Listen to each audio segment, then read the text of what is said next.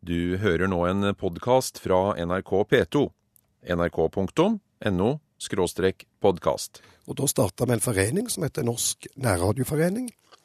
Verva medlemmer, og så utga vi ei avis som heter Radio- og TV-Ekspressen, som var fullt av propaganda som bare gikk på at nå må NRK-monopolet oppheves.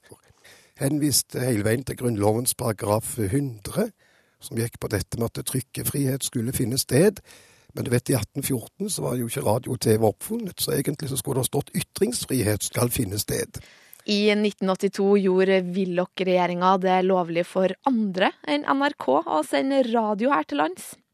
I Kurer skal vi se tilbake på 30 år med lokale radiosendinger. Vår motivasjon var det at eh, vi mente at hva skal si for noe, alternative synspunkter og alternativ informasjon hadde for dårlige vilkår i NRK. Det var en spennende affære å sitte der i et uh, studio som var bygd og kanskje måtte loddes litt underveis på direkten for å virke. Og det å være med på å bryte monopolet i eteren var jo i seg selv en begivenhet for oss. Kurer, P2s mediemagasin. Vi starter Kurer med å besøke én av 30-årsjubilantene. Reporter Einar Li Slangsvold har vært innom en nærradiokanal i Oslo, som siden 1982 har hatt mange damer og noen menn bak mikrofon og miksepult. Vi har jo en sånn fin slogan her på, på, radioen som heter 'Love your radio'. og det er fordi Når man først har begynt å henge her, så er det en utrolig Hva er det man skal kalle det? Det er sånn kjærlighet man får til denne radiostasjonen, og også til alle som jobber her, fordi man har et uh, unikt fellesskap som jeg ikke har sett noen andre steder før. Det sier tidligere redaktør og styremedlem Tiffany Morrell om 30-årsjubilanten Radio Rakel. I tredje etasje på Blitzhuset i Oslo ligger en lokalradio som kaller seg verdens eldste kvinneradio. Eh, da jeg begynte i Radio Rakel, så hadde jeg aldri jobbet med radio i det hele tatt. Og da hadde jeg vært på journalistkurs, og så mangla de programleder i en redaksjon. Og da var det sånn Ja, det er fint hvis du tar neste sending på onsdag, da. Og jeg ble jo helt hvis ikke hva jeg skulle gjøre av meg. Og så prøvde jeg jo det, og var jo sikkert tidenes dårligste livesending. Men så kommer jo folk etterpå og bare Dritbra! Du gjorde det kjempebra! Og så er det bare sånn, så føler man seg som verdens kuleste menneske. Kjersti Kanestrøm Lie sitter i styret til Radio Rakel i dag, og er stolt av radiokanalen sin. I et selvbygd studio og med teknisk utstyr som iblant må loddes på direkten, har en lang rekke jenter og en del gutter fått prøve seg som radiojournalister siden oppstarten i 1982.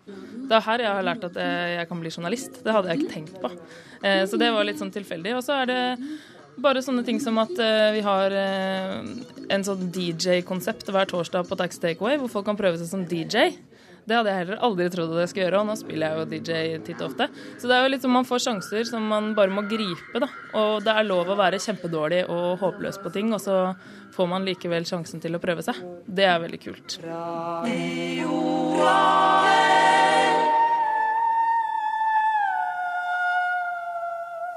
De to siste av de fem konsesjonssøkerne er oss som sitter i Studio Pus nå. Og Rita, Rita Vestvik, kan du bare si litt om deg selv? Ja, hvis jeg skal ta en kort karakteristikk, så er det vel en stresskoffert som kjøper loppemarked. En båndspiller hengende over skuldra, en kasse med en gitar i handa og en del plastposer til. I en gammel Amazon og full fart. Slik hørtes det ut på Radio Rakels frekvens en oktoberkveld i 1982. Programledere for radioens aller første sending var Anne Ma Isaksen og ansvarlig redaktør Rita Vestvik. Hun synes det er litt rart å høre igjen det gamle klippet. Veldig spesielt. Det er lenge siden, vet du. Det har eh, rent noen vann i havet siden den gangen. Hva syns du om, eh, om den første sendinga? Vi forberedte oss veldig godt, syns jeg. Og vi hadde jo fått masse hilsener, og det hadde vi jo sannsynligvis ikke bare fått uten å be om dem. Det var en spennende uh, affære å sitte der i et uh, studio som var bygd og kanskje måtte loddes litt underveis på direkten for å virke. Og det å være med på å bryte monopolet i eteren var jo i seg selv en begivenhet for oss. Selv om første sending gikk på lufta i 1982, kom ideen til Radio Rakel noen år tidligere. Det startet uh, etter Kvinnekulturfestivalen, som var i 1979, hvor det var noen midler til overs. Og da startet vi både noe som heter Aksjon kvinnekultursenter, som senere heter Aktivt kvinnekultursenter, og fortsatt er aktivt i flere byer i Norge. som handler om jenter og musikk, rock særlig. Og så ble Radio Rakel også en idé som var unnfanget i den sammenhengen med kvinnekultur. Så musikk var sentralt fra begynnelsen av. Musikken er fortsatt sentral på Radio Rakel, men det har alltid ligget et feministisk politisk budskap i bunnen. Det var flere kvinner på lufta, og det var jo slutten av kvinnetiåret, og da var det oppsummert eh, statistisk sett fra eh, global, globalt da, fra FN etter kvinnetiåret at eh, vi er halvparten av befolkninga. Vi har en tredjedel av de betalte jobbene. Gjør to tredjedeler av eh, de timeutførte arbeidet. Tjener en tiendedel og eier 1 av eiendom. Det var statistikken den gangen. Jeg vet ikke hvor mye forskjellig den er nå. Men eh, det var også eh, et fåtall kvinner i medier, riksdekkende medier, så vi ville være et alternativ, et korrektiv og et arnested for kvinner. Hvor lenge har det her vært med Radio Rakel? Jinglene? Mm. Du, de, noen av de jinglene er dritgamle. Jeg snakka med en kollega av meg som eh, jobba i Radio Rakel for uh, i hvert fall 20 år siden. Og så fortalte jeg henne om en jingle vi har som er uh, med Jane Fonda. Som sier My name is Jane Fonda and you're listening to the women's radio station, Radio Oracle. Og så fortalte jeg henne om den jinglen, så sier hun Hæ, den var det jo jeg som laga da jeg var på FNs kvinneforum i New York for 20 år siden. Så noen av de her jinglene har gått på repeat i veldig mange år. Men det er veldig gøy òg, da. At man kan bevare litt sånn historie gjennom. For vi har jo mye historie gjennom 30 år med å lage radio. Så ja, noen av de er gamle, noen er litt nyere. Føler du at det sitter en sånn radiohistorie i veggene her? Ja, det, det syns jeg absolutt det gjør. Og så er det jo når vi arrangerer arrangementer og plutselig dukker det opp sant, folk som har vært her for 20 år siden og syns det er veldig stas at man fortsatt holder på. Eh, og så forteller historier. Og så holder man jo på nå å lage en eh, bok som kommer ut i, når det er jubileum. Så det har vært møter mellom gamle radioraklere og nye radioraklere. Og jeg var med på et av de møtene, og det var veldig morsomt. For da satt man jo Det var jo først og fremst litt for å bli kjent, men da satt man jo og utveksla historier. ikke sant? Hvordan er Radio Rakel i dag? Hvordan var Radio Rakel for 30 eh, år siden? Noen av de hadde vært med på oppstarten. Og kunne fortelle om hvordan det var, og hvilke utfordringer de hadde. Men Først så tenkte vi at vi har sikkert ikke noe til felles med dem, for det er så lenge siden.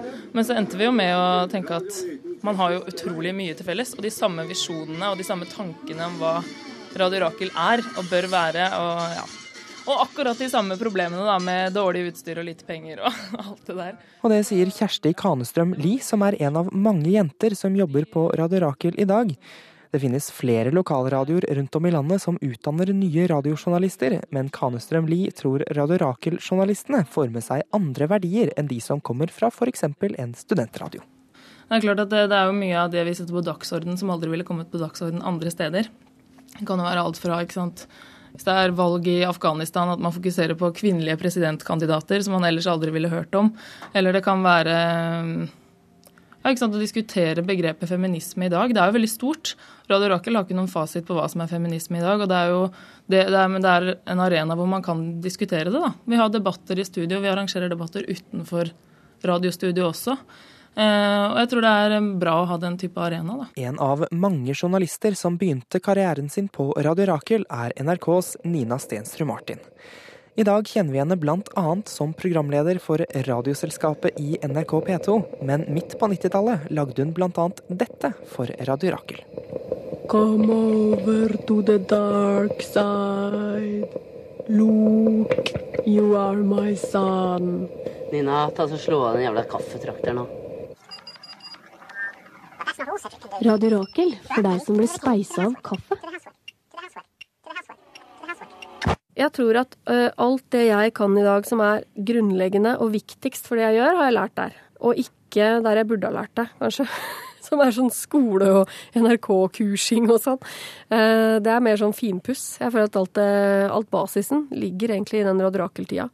Og mye av det handla om at jeg hadde noen folk rundt meg der som jeg fikk ha sendinger sammen, og som jeg lærte ting av som var bare enormt gode. Um, som lærte meg å lytte. Som lærte meg å kjøre radio uten manus. Som lot meg gjøre idiotiske ting, uh, og likevel ga meg en sjanse til etterpå. Så jeg fikk gjort unna veldig mye feil, og fikk leita meg så fram til min egen stemme og min egen trygghet uh, i Radio Rakel, som jeg mener er helt avgjørende for om du skal takle andre oppgaver etterpå på radio. Stensrud Martin var også redaktør for Radio Rakel en periode, men i ettertid representerer den feministiske lokalradioen mest trygghet for Nina. Jeg føler at det, det er en slags sånn koselig tante, eller noe sånt. Um, føles mer som sånn familiemedlem. Noen man kanskje er mer glad i enn stolt av. ikke at jeg ikke er stolt av Radio Rakel, for all del. Uh, de er viktige og gjør en viktig jobb og alt det der, og ikke minst i forhold til rekruttering av folk. Men, men for min del, sånn privat, så er det uh, Så føles det som en sånn et slags sånn trygt hjem som jeg har kommet ut av, da. Uh, hvor man aldri fikk på pelsen. Hvor det var uansett hvor idiotiske ting jeg gjorde, så var det sånn ja ja, men prøv igjen. Nina Stensrud Martin tror også at Radio Rakel kan gi unge kvinnelige journalister en trygghet på seg selv og sin egen stemme. Jeg tror nok at vi opplevde veldig på Radio Rakel at vi var viktige, på en måte. At det var, lov, at det var selvsagt at damer skulle få slippe til å ha makt over eget produkt og, sant, og blande seg inn i diskusjoner. og Når du går inn døra der, så veit du jo på en måte at det er på damers premisser. Og det gjør nok at man kanskje kommer fortere fram til riktige svar, da, eh, som dame. Det kan hende. Um, jeg tror ikke akkurat det er så veldig mye undertrykking på gang i Radio Nova, Radio Nova heller. Men, men, det kan nok hende at det har gitt en ekstra trygghet i forhold til å, å bruke den stemmen man har, da. I'm on a guided tour in the Pentagon building. Okay. And I'm locked into the toilet. You're locked into something? The toilet. You're locked into a bathroom. To the bathroom, yes. Slik ble vi vant til å høre Espen Thoresen i NRK P3 midt på 90-tallet. Men noen få år tidligere var også han innom Radio Rakel. Jeg hadde vel vært innom en, en, en annen nærradio først, og så var det et slags ja, det var et slags kupp, faktisk. Og da hadde jeg en demoteip, da, for der var liksom Radio Rakel var litt prestisje så jeg gikk dit med denne opptaksteipen, og så fikk jeg jobb. Espen Thoresen mener Radio Rakel først og fremst spiller en rolle som utdanningsinstitusjon. De har vært veldig flinke til å rekruttere. Altså Det er mange mennesker som treffer rundt omkring i korridoren her på Marienlyst f.eks., som kommer derfra. Men Radio Rakel i seg selv er fremdeles på loftet på Blitz. Og de har vel ikke satt noe særlig dagsorden siden den horekundeaksjonen som var en gang på 80-tallet. Sånn at det, det, har vært en fin skole for mange å sluses igjennom Radio Rakel til å lære seg mediet. Men Radio Rakel i seg selv vel omtrent, står vel omtrent der den har stått hele tiden. Det er en skole, og noe mer har de ikke klart å være. fordi de lekker jo i begge ender. altså Med en det er noe som blir dyktig, så forsvinner de jo. Kurer, P2s mediemagasin. Reporteren som hadde besøkt 30-årsjubilanten Radio Rakel og snakka med bl.a. Espen Thoresen, var Enar Li Slangsvold. Det er altså 30 år siden kringkastingsmonopolet her til lands ble oppheva. I Kurer skal vi se videre på hva som skjedde den gangen, i 1982. Og for å hjelpe meg med det, så har jeg med meg Rolf Pedersen, som var en aktiv forkjemper for å få monopolet fjerna, og Trond Andresen, som var redaktør for Radio RV i Trondheim fra opphevelsen og fram til 1996. Og i innslaget fra Radio Rakel så hørte vi mange kjente radionavn, nærmest lovpris i tid i nærradioen. Det her er folk som fremdeles jobber med radio. Hvorfor har nærradioen klart å dyrke frem så mange radiotalenter, Trond Andresen? Min teori er at uh, i 1982, når monopolet ble opphevet, så var radio fryktelig spennende. Og dermed så kan du si at det var veldig mange talentfulle unge mennesker som gikk dit. I dag er ikke radio spesielt sexy og spennende, og, og du har ikke den samme tilstrømningen av de flinkeste ungdommene. Og det er ikke så veldig rart da at uh, dette store tilfanget av folk med talent uh, seinere har gjort karriere i andre medier. Rolf Persen, du starta Sidis Radio i Stavanger i 1982, og har starta opp flere nærradiokanaler i mellomtida. Nå så driver du Sidis Radio igjen. Hva er det du ville tilby med lokalradio som ikke NRK kunne tilby for 30 år siden? Men altså For meg var det i utgangspunktet den store interessen for radio. fordi at jeg vokste opp foran et gammelt radionettet radiokabinett, og hørte på alt. Altså alt ifra jeg holdt på å si andakt til Barnetimen og, og det som ble sendt. Og jeg ble jo etter hvert mer interessert i å finne ut hva som var inni dette radioapparatet, enn, enn hva jeg hørte på. Så etter hvert, når jeg ble sånn 11-12 år, så begynte jeg å oppfatte hva kringkasting og radio var. Og eh, jeg besøkte NRK Rogaland husker jeg for første gang i mitt liv, og det var jo akkurat som å komme til Disneyland for meg. Med båndopptakere, miksebord og mikrofoner og ledninger og studio og, og det hele. Og jeg ble tatt veldig godt imot og fikk oppvisning, og etter det så, så ja. Så, så må jeg jo tilstå at da, da var det radio for meg. Mm. Trond Andresen før Rolf Persen her, så høres det ut som det var den tekniske radioentusiasmen som gjorde at han starta med sine sendinger. Men hva var det dere i Radio RV ville gi folk i Trondheim som ikke fantes fra før i 1982? Det ligger vel i sakens, eller i navnets natur, holdt jeg på å si. Vi var jo en venstreradikal radio som sprang ut av partiet RV, sjøl om vi ikke oppfatta oss som en partipropagandistisk radio. Og vår motivasjon var det at vi mente at hva skal si for noe, alternative synspunkter og at alternativ informasjon hadde for dårlige vilkår i NRK. Og vi var jo for så vidt også for å oppheve NRK-monopolet. Men vi var fryktelig skeptiske til reklamefinansiering, som vi mener var motivet for Høyre og Langslett den gangen når de opphevet det. Men han kunne ikke nekte oss konsesjon. Jeg tror nok han hadde likt å gjøre det, men det var veldig vanskelig. Altså Skal man først åpne, så må man jo slippe til alle stemmer. Så vi var jo nummer to ute i Norge den gangen. Så, så, så, vårt motiv var rett og slett å, å, å, å, tenke som så at hvis man tilhører la oss si, dissidentene i det kapitalistiske samfunn, så, eh, så fins det ingen billigere måte å nå mange mennesker på enn gjennom en lokal FM-stasjon. Altså Man kan ikke starte en avis, f.eks. Det er for dyrt, og du er dødsdømt. Og det var tankegangen vår. En billig måte å være opposisjonell på og nå mange mennesker. Mm. Hva kunne man typisk høre i Radio RV-sending for 30 år siden? Det var jo Hva skal man si for noe? Vi, vi, kunne jo Den gangen så hadde man jo ikke informasjonsrådgivere som et slags skjold rundt maktmennesker. Så vi kunne jo hva skal si for noe, overfalle ordfører Marvin Wiseth på gata i Trondheim og stille en ganske frekke spørsmål som NRK på en måte var for dannet til å stille. Og det likte lytterne. Fordi at vi spurte om en del sånne ting som, som andre ikke kunne gjøre. Det koster jo å sende radio. Hvor skaffa du inntektene fra den gangen, Rolf Pedersen? Jeg tok kontakt med Kulturdepartementet og spurte om det var mulig å få leie ut sendetid til organisasjoner. Og det sa departementet ja til. Så sendte jeg brev ut eh, til en 30-40 organisasjoner i Stavanger, og jeg fikk positivt svar tilbake fra tolv, bl.a. Stavanger Fotoklubb, Eh, et par menigheter, eh, Fremskrittspartiet bl.a., som rett og slett produserte programmer hos oss. Og halvparten av disse de lagde sitt eget studio og kom bare med et ferdig lydrull. Så tok vi sånn 200-300 kroner per time da, i, i leie. Og det ga oss en 12 000-15 000 i måneden i inntekter, og dermed så kunne vi leie lokale, bygge studio. Og så starta vi et programblad som heter Programbladet Citizen Eh, og så gikk vi ut på lufta og tigget penger av folk, at de kunne betale 250 kroner i året og bli frivillig lisensbetaler. Og de som betalte det, de fikk dette bladet tilsendt i posten. Og dermed så begynte vi å få inntekter, faktisk. Og jeg, jeg tror faktisk i 1984 så hadde vi en omsetning på ca. 1,4 millioner i året. Og det er altså bare på utleiers sendetid programbladet Citizen og frivillig lisens. Så på den måten klarte vi å ordne opp i den økonomiske vanskelige situasjonen. Trond Andresen, hvordan fikk dere Radio RV hjulene til å gå rundt?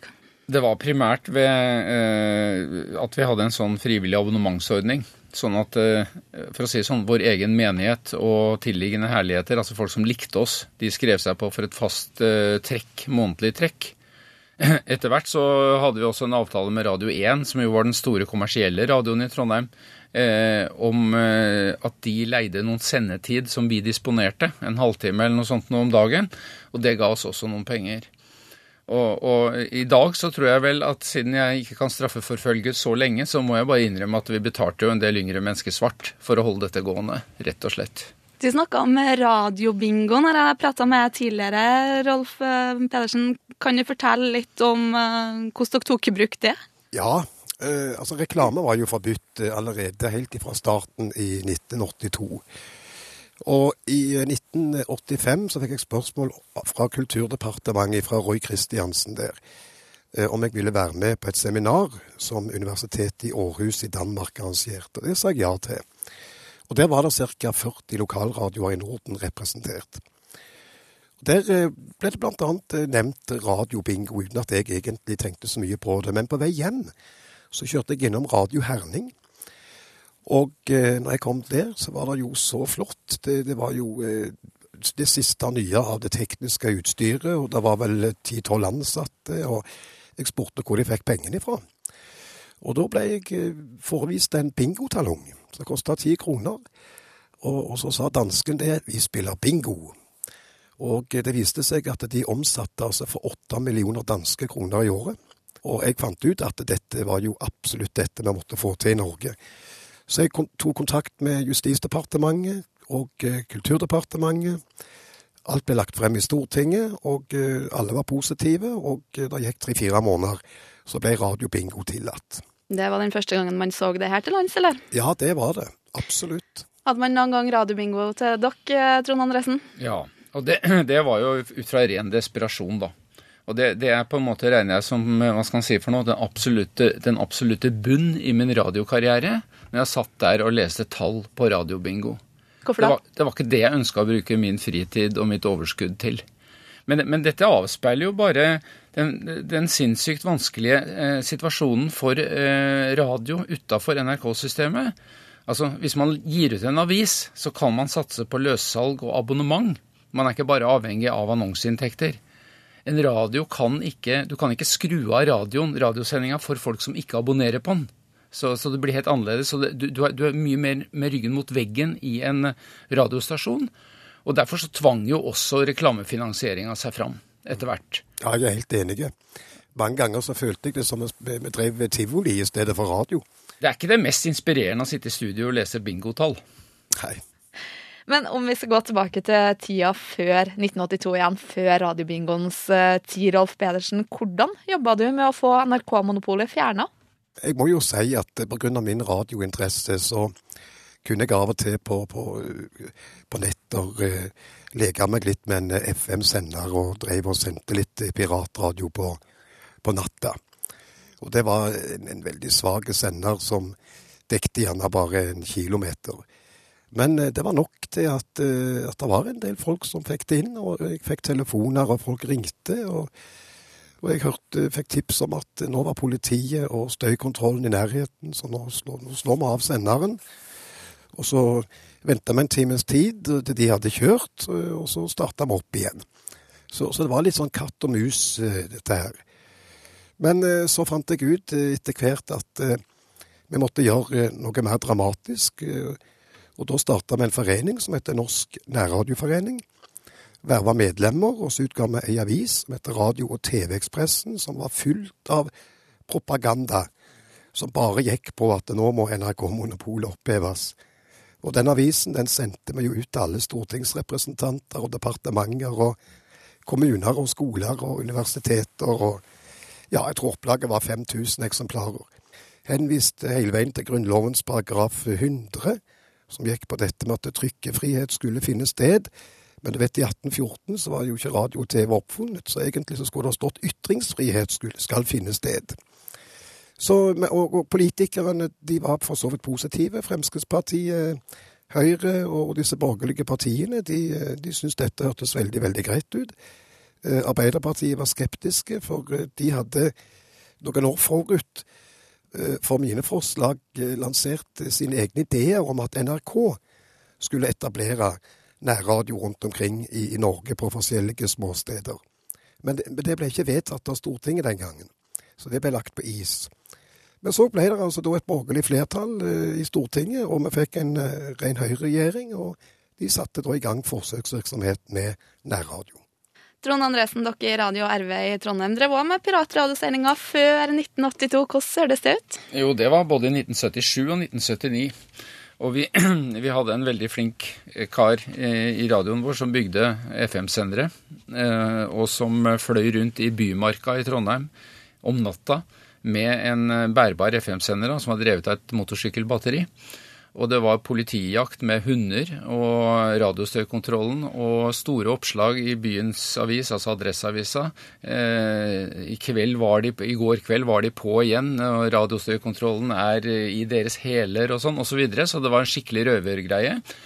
Men eh, vi, vi skryter av det at vi ble aldri tatt. De hadde, Politiet og radiostøykontrollen hadde også studentenes eh, radioklubb på sin side, da, for de så på dette her som en slags harejakt og en utfordring å ta oss. Vi fikk jo utrolig mye presse på det. for det, det er jo Som sagt, den gangen så var radio utafor NRK, og når den i tillegg da også var ulovlig, veldig godt avisstoff. Så hele Norge fulgte med nesten der. I 2017 så skal FM-båndet slukkes. Hva skjer da med lokalradiosendingene når det er DAB som tar over? De forslagene som er ute og går nå, det er jo at eh, man eh, skal selge disse DAB-frekvensene på auksjon. Altså Det blir sånn at de som betaler mest, de skal få denne konsesjonen. Og så blir det opp til de å bestemme hvem som skal komme på lufta. Og dette her med å selge frekvenser på auksjon er noe av det verste man kan gjøre. Ja, For det, det. betyr at man, man setter en knall, et knallhardt press fra dag én på eierne om at de må tjene mye penger. Mm. Og dermed så blir det kommersielle fokuset enda større enn det ville ha vært om, om frekvenser hadde blitt tildelt på et mer journalistisk eh, grunnlag, eller kulturpolitisk grunnlag. Hva vil vi tape om nærradiokanalene eh, faller bort? Nei, man vil jo selvfølgelig eh, gå glipp av eh, veldig mye lokalt innhold. Lokalmusikk f.eks. vil sannsynligvis ha store problemer.